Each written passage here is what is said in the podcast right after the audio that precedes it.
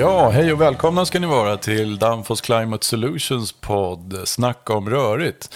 Och nu, idag sitter jag här fortfarande med Anders Gustafsson och idag ska vi köra och gå igenom eh, Optimal del 2 och lite mer praktiskt. Hur gör man för att genomföra det här projektet? Hej Anders förresten! Ja, hej! Kul att vara här! Ja, kul igen att ses.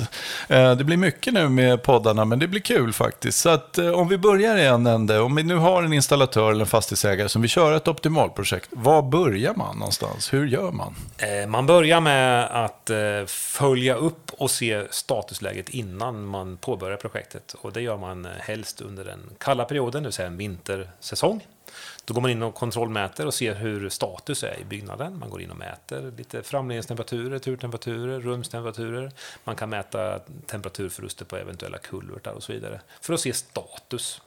Man behöver också ta reda på vad man har gjort tidigare, på vilket sätt man har injusterat tidigare, för det kan också ha avgörande betydelse för vad man behöver göra också. Då gissar jag att det här steget är ganska viktigt, för det kommer också ge en hint om vad man faktiskt sparade i, i slutändan. När man vet att vi, det här var grundläget när vi började och sen när projektet är slutfört efter en viss period så kan man se att det här blev resultatet helt enkelt. Ja, då får man ett startvärde och mm, man kan också då eh, visa kunden att så här ser det ut innan vi gick in. Vi utförde projektet och vi följde upp projektet och så här mycket blev resultatet. Så det är ett sätt att kunna redovisa startläget. Ja, just det. Mm. Så med andra ord, man börjar alltså gå in och mäta då i alla lägenheter och titta vad som sitter där idag helt enkelt. En ja, inventering då? Eller? Inte i alla, men i, i väl valda delar. Eh, nära pump, nära undercentralen och i slutändarna för att se om det diffar mycket. Och en en obalans är ju, blir ganska tydlig då om du inte får ut värmen överallt i samma mängd. Ja, just det. Mm, spännande. Ja. Och vad blir nästa steg då? När man har gjort den här så kallade genomgången då, och mätt, eller inventeringen om vi ska kalla det för det. Ja, då kommer man till själva del två, då. det är själva utförandefasen, där man byter ut materialet. Och, det innebär att eh, alla stamventiler, eh, där det sitter stamventiler och strypar, ska man då byta ut mot automatiska stamventiler, ASVPV.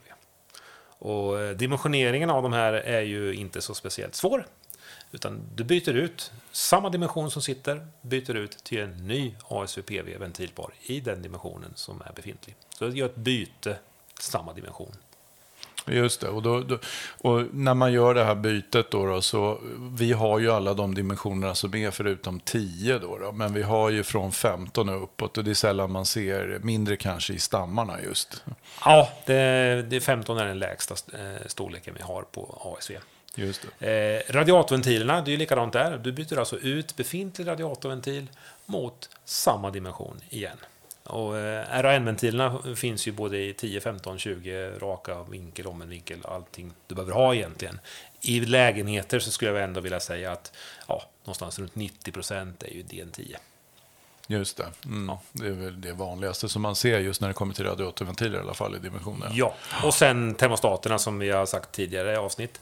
Eh, där väljer man termostat efter den temperaturen som är önskemålet från kunden. Ja, just det. Och i de här fallen då så jobbar vi med våran RAN eller RAU i kombination med våran eh, gastermostat. Då. Eh, ja, bara RAN-ventilen faktiskt. RAN. Eh, mm. Optimal 2 är bara baserad på våran okay. RAN. Mm, där ser man ja. ja. Och sen behöver man också ha tillgång till ett mätinstrument. Och, eh, mätningarna i ett optimalprojekt är inte så svåra. Utan det innebär att när man har monterat alla stamventiler monterat alla radiatorventiler, mätt alla arior, förinställt ventilerna, radiatorventilerna och man har fyllt på, och luftat ur systemet och driftsatt det igen och startat pumpen. Då måste vi kontrollera att pumpen orkar leverera eh, till alla radiatorer. Och då blir det ju en simulering av en maxlast i och med att hemostaterna ändå inte är monterade än. Just det. Och för att kontrollera att pumpen orkar leverera rätt mängd vid rätt tryckuppsättning så gör man kontrollmätningar bara på slutändarna längst ut.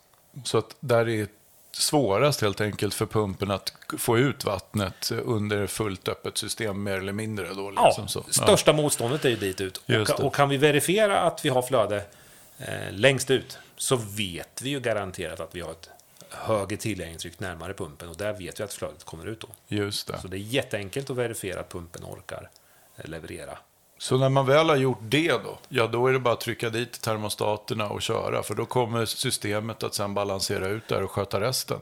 Mer ja, eller mindre. Ja, det är så att vi simulerar ju ett scenario egentligen. Och det är också någonting som är lite säkerhet i det här Optimon 2 eh, injusteringsmetodiken. Att vi simulerar ett driftfall som sen aldrig sen kommer att återuppstå. Med tanke på att vi monterar termostaterna. Och så fort vi monterar termostaterna så kommer flödet bli lägre än vad vi hade innan. Just det är också lite säkerhetsmarginal i och med att det är en schablon. Just det, precis. Och nu också när vi då jobbar med våra gastermostater så vet vi också att de är ju de snabbaste regleringarna på marknaden, de teknologier som finns tillgängliga förutom de elektroniska då som, som vi också har i vår portfölj. Men det innebär ju också där att vi får en viss energibesparing bara genom att termostaterna i sig regleras snabbt och effektivt. Absolut, eh, eh, gasbälgen i våra termostater har ju den snabbaste reaktionstiden. Och jämför vi, vi, har ju, vi tillverkar också eh, termostater med annan fyllning, vätskefyllning exempelvis. Jämför du en vätskefylld termostat med en gastermostat så är det ett antal procent emellan i prestanda faktiskt. Mm. Och där med andra ord, det finns skäl till varför de också ligger i premiumsegmentet och är några kronor dyrare då kanske än äh, vätsketermostater och vaxtermostater som är rätt vanliga på marknaden. Ja, man får ut bäst prestanda helt enkelt ur en gastermostat och framförallt så håller den i evighet. Låter spännande det här faktiskt. Jag hoppas att lyssnarna sen också kommer att ta till sig och förstå lite mer om hur det här går till och vilka besparingar man kan göra. Så tack så mycket Anders. Eh, så får vi se, vi följer upp det här sen med hur själva certifieringen för en installatör och utbildningen går till också. Tack. Amen. Tack.